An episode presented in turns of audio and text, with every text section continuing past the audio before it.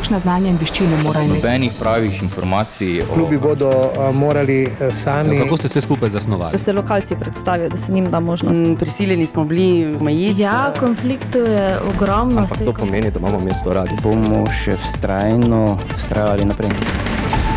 Radijska tribuna.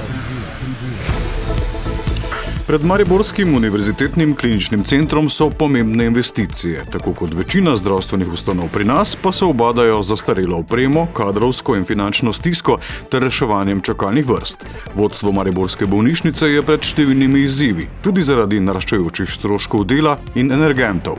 Kakšne pa so rešitve in seveda tudi realizacija številnih investicij, pa boste slišali v današnji oddaji. Vabljeni k poslušanju. Radijska tribuna. Vaš voditelj je Dejan Rad. Cenjene in cenjeni, dober dan želim. Zdravstvo je poleg sociale področje, ki pritegne največ pozornosti javnosti. Zato v današnji oddaji gostimo vodstvo Univerzitetnega kliničnega centra Maribor. Vabilo pa ste se, v oddaji bomo namreč govorili tako o poslovni, investicijski ter kadrovski sliki druge največje zdravstvene ustanove v državi, odzvala tako direktor, profesor dr. Anton Crnjac, kot tudi strokovna direktorica Mariborskega UKC-ja Nataša Marčun Varda. Takole najprej lepo zdrav, dr. Anton Crnjac. Cenjac in lepo zdrav tudi Nataši Marčun Varda. Dobar dan. Dobar dan. Hvala, ker ste si vzeli čas v vašem napetem urniku in ker imamo pred seboj veliko, veliko tem, bomo se kar jih lotili. Danes popovdne seveda tudi še svet zavoda Mariborskega UKC-ja, ki bo razpravljal o finančnem razrezu po treh četrtinah leta 2022, obenem pa bodo člani sveta zavoda deležni tudi informacije o čakalnih dobah v tej zdravstveni ustanovi z več kot 3000 zaposlenimi. Tudi o teh dveh temah seveda podrobneje v nadaljevanju. Za začetek pa direktor Mariborskega UKC-ja, profesor dr. Anton Crnjac. Eh, prvo vprašanje. Uvodoma smo med drugim tudi dejali, da so nekateri bolnišnični objekti in oprema dotrajani. Na zadnji seji sveta zavoda UKC Maribor pa ste seznanili svetnike z okvaro klimatov, tri operacijske dvorane so izpadle. Kakšna je situacija danes? Res je, ob nastopu mandata v preteklem letu smo analizirali stanje in ugotovili, da na področju opreme so se stvari nekoliko izboljšale, eh, tudi eh, v okviru nabav eh, zaradi COVID situacije v bolnišnici. Na področju investicij v naši ustanovi pa smo deset let zelo stopicali na mesto, ni bilo pravih potez, ki bi to našo infrastrukturo izboljšali. Sedaj imamo jasno vizijo, izdelan program naših investicij v nadaljnih desetih letih. In uh, prioriteta je izdelana. To, kar je bilo zadnjič na seji sveta zavoda, je pa bilo predstavljeno na alarmantno stanje. Naš operacijski blok je star preko 40 let, In klimati, ki oskrbujejo klimo v teh operacijskih dvoranah, so seveda dotrajani in stari toliko kot znameno. En od teh uh, klimatov uh, je odpovedal in tri operacijske dvorane v našem centralnem operacijskem bloku, kjer je sedaj sicer 12 operacijskih dvoran, uh, te tri so bile izven pogona. Mi smo to se hitro prilagodili in prilagodili program tudi uh, uh, dela v operacijskih dvoranah. Vendar je to bil za nas en jasen signal, da s tem operacijskim blokom moramo nujno nekaj ukreniti, da se nam to v budučnosti ne, ne bi dogajalo. Mi smo seznanili svet zavoda z nujno, pravzaprav prioritetno obravnavo v naslednjem letu. Eh, obnova operacijskega bloka in nadgradnja urgentnega centra, ki je pa sedaj zazidan do faze ena, potrebna sta še faza dve in tri. Tam so že izdelani gradbeni načrti in vse. Eh, v tem letu zelo do konca leta intenzivno poteka priprava načrti za novi operacijski blok in to je investicija, ki bi jo želeli sprovesti začetek investicije v naslednjem letu. Sodobno operacijski blok s 17 operacijskimi dvoranami z robotsko kirurgijo, hibridno operacijsko dvorano, skratka en sodoben evropsko primerljiv operacijski center in to je morda prioriteta v smislu tega, da bomo pa kako investicijo, ki je prej bila planirana pred operacijskim blokom, zdaj preskočili. Ne, hvaležno vprašanje, vprašal vas bom neposredno, ne, katera investicija bi se lahko na podlagi tega zamaknila? Pravzaprav se nič ne, ne ukinjamo, samo glede na potrebe znotraj bolnišnice, to je zelo dinamično, to se dejansko lahko spremenja iz meseca v mesec. Je operacijski blok, ki je bil prej, mislim, na sedmem mestu, sedaj po teh naših investicijah, ki so pa že zagotovljene, ki jih bomo zagnali v letošnjem letu, v naslednjem letu postaja prioriteta.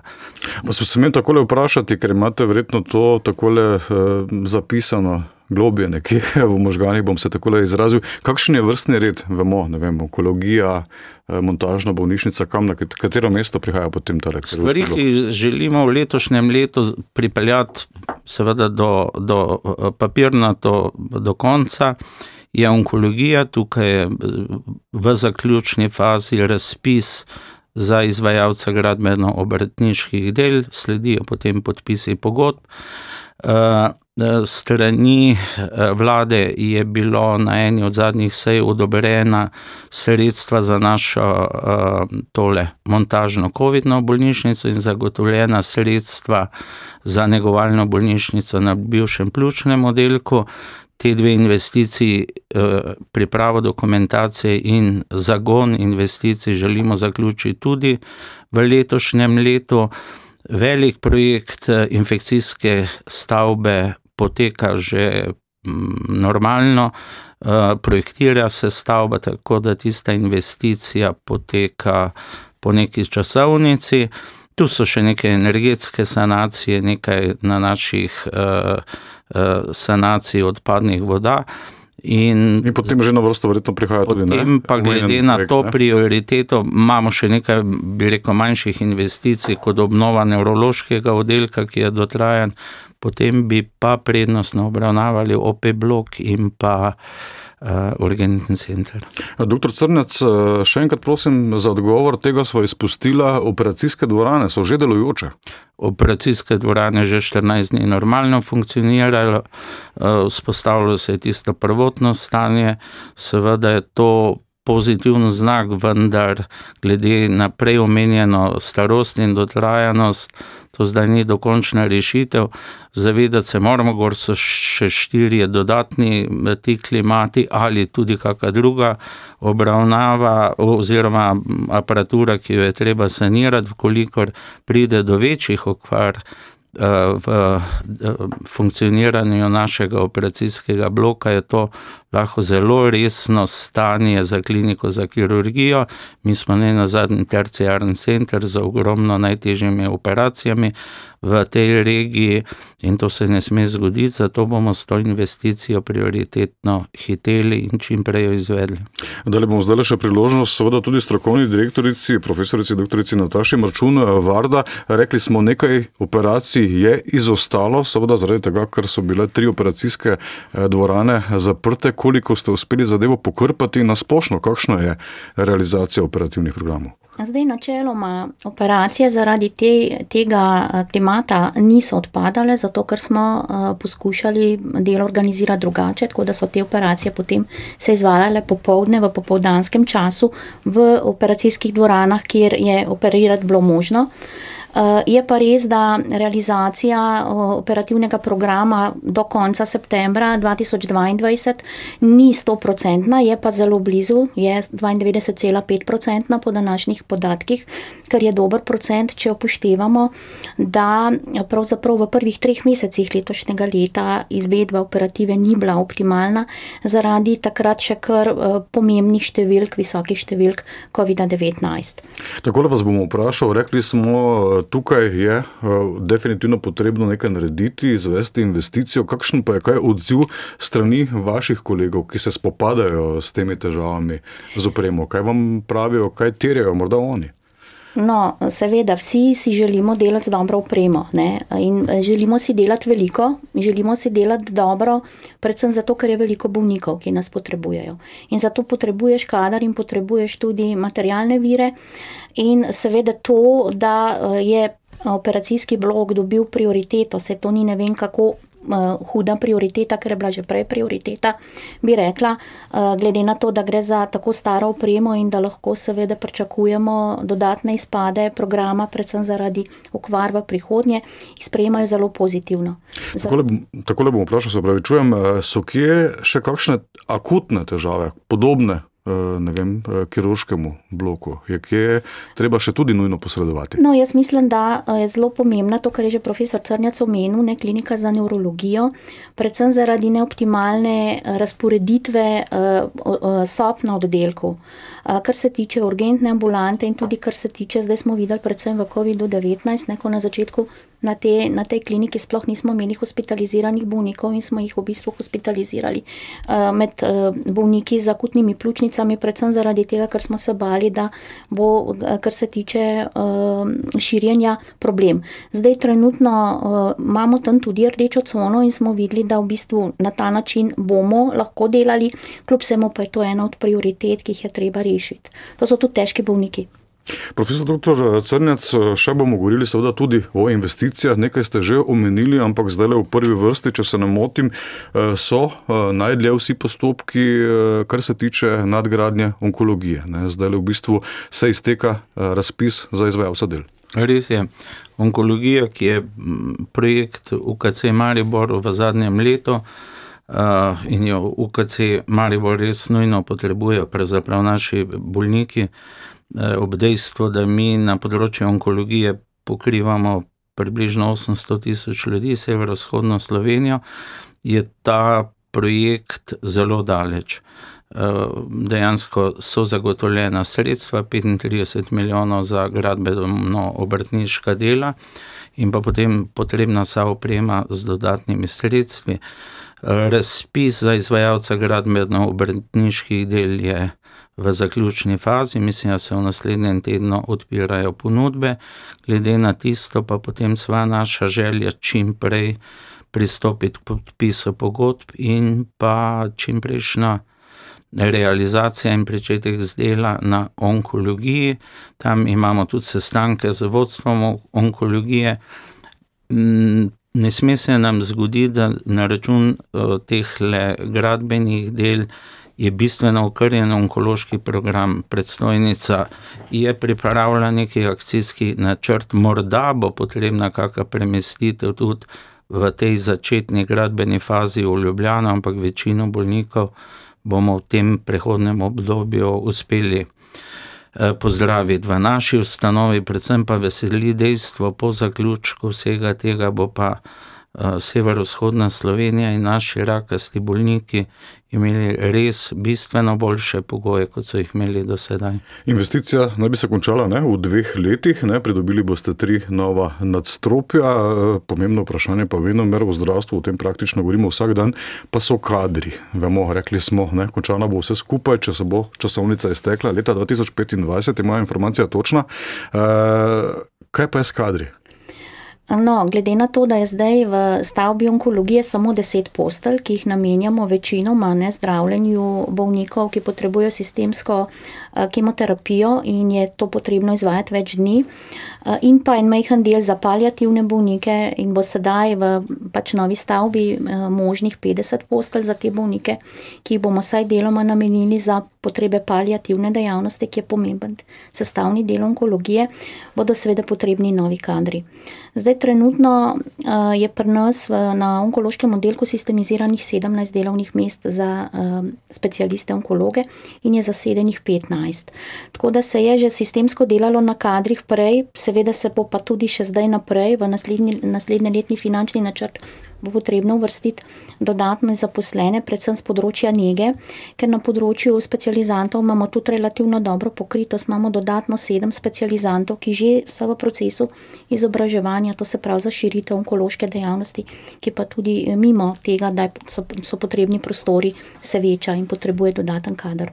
Morda še samo nekaj besed, doktor Crnac, čisto na kratko, čeprav torej razumemo, vi računate, da leta 2023, na začetku leta, boste praktično sočasno zagnali več projektov. Govorimo o onkologiji, torej nadgradnji, govorimo o montažni COVID-ni bolnišnici in seveda govorimo tudi o negovalni bolnišnici na Pohorju, kjer bi pridobili 55 postelj. Je še realno, da bo tudi negovalna bolnišnica končana do konca prihodnjega leta? Pravzaprav zaradi vsega tega so te res številne aktivnosti znotraj bolnišnice, naše ekipe pripravljajo vso to dokumentacijo sprotno, tudi z delom, ki včasih traja do večera. Vse tri stvari, ki ste jih omenili, so, so neka prioriteta v tej fazi, tega smo se tudi najprej lotili. In naša velika želja je, da vse te projekte s pogodbami in z, z pripravo vse dokumentacije zaključimo v letošnjem letu.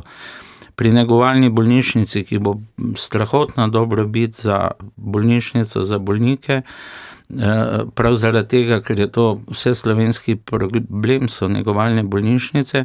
No, pri izgradnji tega smo vezani na evropska sredstva, in v kolikor ne bi bilo nekih zapletov, je planirano do konca triindvajset to bolnišnico spraviti v pogon. Praktično, če prav razumem, morate, ne? Pravzaprav moramo, ker je potrebno počrpati evropska sredstva. Kar se pa tiče covid bolnišnice, kot sem omenil, denar je zdaj zagotovljen, čim prej v razpis in pa ta montaža kontejnerjev, to je relativno hitro izvedljivo, pa ne bi govoril samo o kontejnerski covid bolnišnici, naša vizija je bila, da seveda prioriteto imajo covid bolniki, ko je covid, ko pa ni covid situacija, ki takšne, v taki obliki ali pa obsegu, da bi zahtevali dodatne hospitalizacije, je pa to en, bom rekel zelo po domače, začasen dom za oddelke, ki jih bomo obnavljali, recimo kot sva s strokovno direktorico omenila, v naslednjem letu obnova nevrološkega oddelka, oddelek preselimo v te nove prostore in s tem zelo olajšamo te investicije, ki so potrebne v UKC-ju.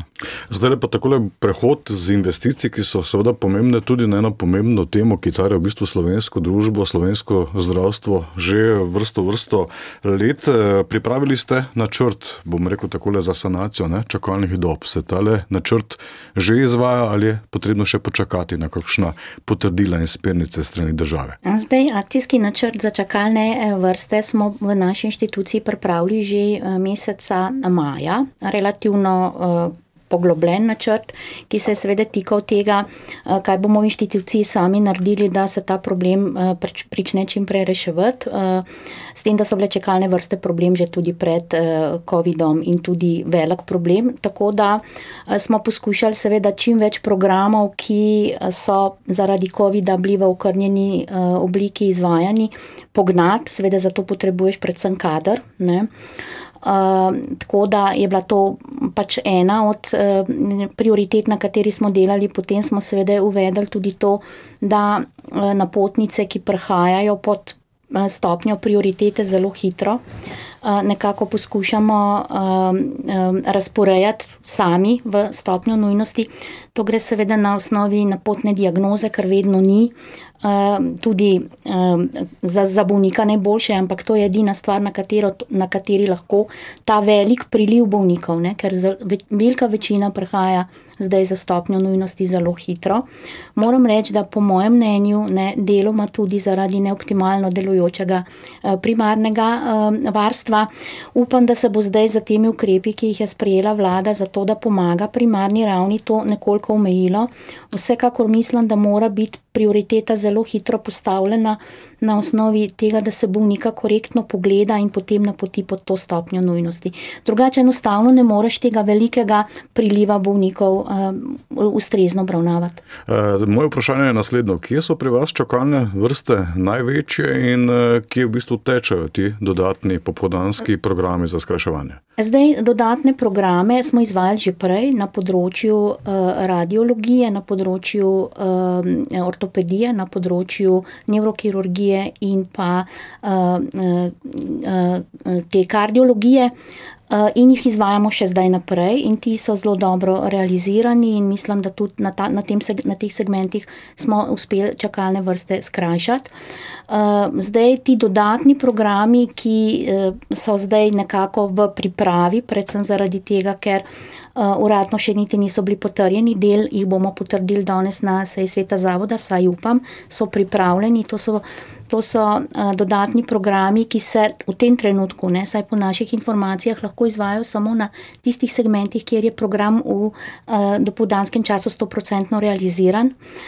Tako da za določene, recimo manj uh, pomembne, predvsem po uh, akutni simptomatiki segmente, kot, recimo, kot so recimo krčne žile, ne, v tem trenutku ni možno teh programov sploh razpisati. Ne. Upam, da se bo to spremenilo in da bomo tudi te stvari, ki se recimo v naši ustanovi dve leti sploh niso delale, ker je bilo toliko drugega, kar je bilo bolj pomembno, ne, da se bo to pa spremenilo. E, bom se kar navezal s vprašanjem za dodatne programe. Je pomemben seveda denar, pomembni so kadri. Na kakšen način boste to reševali? Z notranjimi pogodbami ali boste v bistvu tako lepo narekovaj najemali kader tudi od zune? Bistven, bistven uh, poudarek v tem interventnem zakonu, ki veliko dobro ureja to področje, je, da so dejansko prehajajo vsi izvedeni programi v fazo, ko so plačani po realizaciji.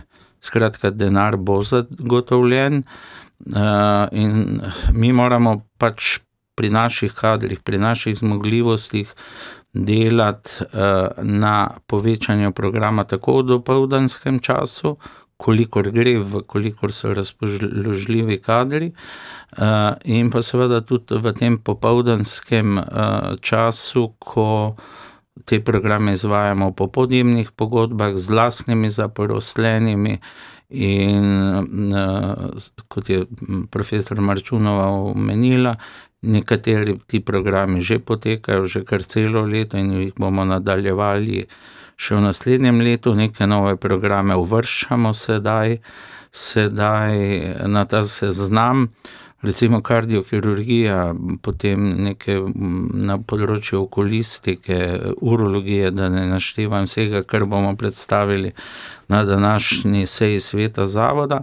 Vkolikor je pa, je pa treba tudi z našimi nadzorniki, se pravi s svetom zavoda in znotraj bolnišnice dogovoriti stvari glede na možnost financiranja vseh programov po realizaciji, je pa seveda zdaj tudi dosti na nas, da zaženemo in dopoldansko in popoldansko delo v čim večjem obsegu.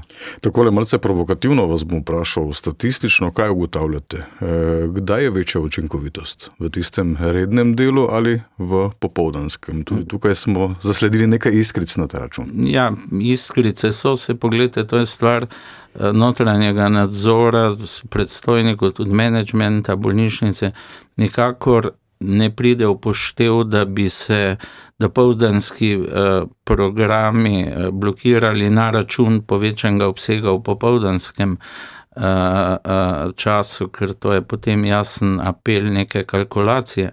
To ne. Da pa so zaradi številnih aktivnosti naših zaposlenih na nekih segmentih, to vidimo, res pomankanje kadra, je pa praktično ne mogoče v dopoldanskem času te kar obsežne programe izvesti. In seveda, pol je najboljša oblika dela, popoldansko delo, ki mora biti za vse zaposlene, zdravnike, inštrumentarke, strežnice, vsi pač, ki so vključeni v te programe ali v ambulantne time, pač ustrezno financirana. Če mi želimo priti do končnega izplena, to je skrajšati čakalne dobe, se moramo pač poslužiti vseh oblik dela, vse zakonsko dovoljeno. In še enkrat poudarek, ta interventni zakon plačuje storitve in na vodstvih bolnišnic in predstojnikih je, da se ta program v čim večji meri realizira. E, ostajamo pri kadrih, čisto na kratko, ker e, minute res tečejo zelo hitro. E, Gospod Mačun, oziroma profesor dr. Mačun, Varda, kakšna je kaj fluktuacija kadra v tem trenutku? Imate še zmeraj težave z odlivom? Zdaj, največji problem je pravzaprav zdravstvena njega. V tem trenutku ni samo problem UKC Maribor, ampak mislim, da je nacionalni problem, zato smo mi tudi nekako prosili odgovorne na Ministrstvu za zdravje, ki je sedaj nekako, ki je zdaj ustanovilo tudi direktorat za zdravstveno njego. To se mi zdi ena zelo pomembna, pomemben segment, ki se zdaj odpira, da se najde sistemske rešitve za to, da preprečimo ne, odliv kadra na mogoče lažja delovna mesta ali pa celo v tujino. V bolnišnicah je delo naporno, ne, je tudi veliko dela nočnega, popoldanskega, kar seveda zdravstveno njego postavlja v pač inferioren položaj, plače so sicer se zdaj precej popravile, ampak kljub vsemu nekako bo potrebno stimulirati te ljudi, da bodo ostali v bolnicah. Mi imamo v tem trenutku možnost zaposlitve 80 novih medicinskih sester, čisto na novo, ampak kader zelo težko najdemo, ker ga enostavno na tržišču ni. In imamo dosti kratosko grlo, predvsem na področju tega, mi bi lahko več delali, kirurgi, zdravniki, ne, ker zdravniškega kadra kljub vsemu toliko ne manjka. Imamo tudi precej zaledja za si specializanti na vseh segmentih, da včasih programi tudi ne morejo biti optimalno izvedeni zaradi tega, ker zdravstvene njege ni dovolj oziroma je preobremenjena. Tako le bom kar nadaljeval tukaj, ne, pomembno vprašanje, ki ga zdaj v tem trenutku sicer rešujete, ne, govorimo seveda o tem, da iščete obdukcijske pomočnike. Razpis je bil zunaj, 20 prijav ste dobili, vse čas pa ste se v tem času zaradi pomankanja kadra, ne, imeli ste več razpisanih mest, pa premalo v bistvu zaposlenih, je prihajalo do različnih razhajanj. Najprej so to pokrivale medicinske sestre, potem ste poskušali ne spremljevalci bolnikov, zdaj pa vendarle rešitev z dodatnimi zaposlitvami. Je tukaj luč na koncu tunela? Tako le bom rekla, ne, tudi umrli bolnik je naš bolnik in naša odgovornost in glede na to, da se ta problem rešuje v tej inštituciji že kar nekaj časa in se ni uspešno rešil, smo nekako stali na stališču, da ga moramo rešiti sistemsko. To se pravi, tudi ta segment ne sme biti prepuščen temu, ali bo nekdo v službi ali ne bo v službi. Dejstvo je bilo, da obdukcijskih pomočnikov v določenem obdobju ni bilo niti za dopoldansko delo, torej za izvajanje obdukcij, ki je, ki so primarna zaposlitev za, te, za, te, za ta segment zaposlenih, kaj šele za odvoz umrlih, in je bilo potrebno uh, najti sistemsko rešitev. To je težko delo v vsakem primeru. Ne, je zelo bi, slabo plačano. Tako in zelo slabo plačano. Uh, sedaj smo, seveda, za novim razpisom, kjer smo pa spremenili pogoje za zaposlitev, uh, pridobili 20 prošenj za zaposlitev, vendar pa se po uh, resnih razgovorih in tudi po pač tem, kaj vse bo potrebno uh, z uh, strani zaposlenih še narediti, tudi kar se tiče izobraževanja, smo trenutno uspeli zaposliti enega obdukcijskega pomočnika, upamo še na zaposlitev dveh, s katerimi uh, se potekajo resni razgovori, vendar pa še uh, dokončno stvar ni razrešena. Danes, profesor dr. Crnec, ste večkrat že omenili ne, svet zavoda, obravnavali boste tudi finančno stanje, seveda tudi finance ne, so pomemben del celotnega poslovanja, gre za poslovanje od januarja do septembra. Kakšne so trenutno številke? Mi smo mm, ena najbolj stabilnih uh, bolnišnic v slovenskem zdravstvenem prostoru. Naša zguba, ki smo jo v enem letu prepolovili, je zdaj nekaj manj kot 3 milijone. Uh, pa še to, ta izguba, če jo analiziramo, glede na prihodkovne in odhodkovne uh, strani, ta izguba je na eni strani uh, predvsem na račun uh, povečanih stroškov energentov, povečanih podražitev vseh živil, vseh. Ostalih stvari, ki jih bolnica potrebuje. Ali z drugimi besedami, Vkolikor ne bi prišlo do, do teh enormnih podražitev na segmentih, ki sem jih omenil, smo mi že zdaj uravnoteženo poslujemo. Tako da naša uh, izguba, ki je približno nekaj čez procent uh, našega uh, budžeta, sploh ni alarmantna, ampak naš cilj je stvari še izboljšati. Dejansko pripeljati do konca leta bolnišnico v nekem uravnoteženem poslovanju. Tukaj tudi računamo, seveda, na pomoč sveta, zavoda in pa naših, naših, uh, našega ministrstva oziroma vlade, predvsem pri uh, teh kritih energentov. Vem, da so tu številni dogovori, poskusi. Mi bomo apelirali na pomoč na teh segmentih, znotraj bolnišnice pa ob tem vse naredili, da, da tudi z našimi rezervami to izgubo do konca leta. Številka, naprimer, ki jo vi pričakujete, ocena ob koncu leta, kakšna naj bi bila? V, trenutno je, kot pravim, prepolovljena, glede na začetek mojega mandata, sedaj smo po 3 milijone izgube. Ampak še enkrat povdarjam, naš porast energentov ob isti porabi kot lanskem letu je za več kot 3 milijone. Se pravi, mi smo že sedaj eh, praktično uravnoteženo poslujemo. In seveda to so neki uspehi našega dela pri sanaciji oziroma uravnoteženem poslovanju bolnišnice. Gospod Crnc, ste tako zadovoljni? V Sloveniji imamo dva UKC-ja, Mariborskega in Ljubljanskega. Tretma do enega, do drugega, glede na velikost je enako vreden?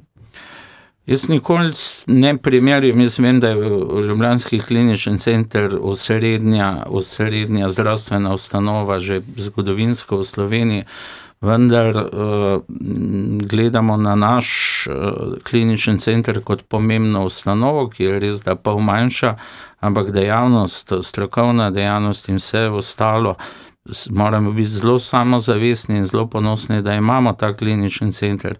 Kaj se financiranja tiče, uh, mi ugotavljamo res, da je primankljaj financiranja za našo ustanovo, to je ta terciarna dejavnost, ker smo podfinancirani glede na Ljubljanski klinični center in to, kar za tam 5 do 7 milijonov.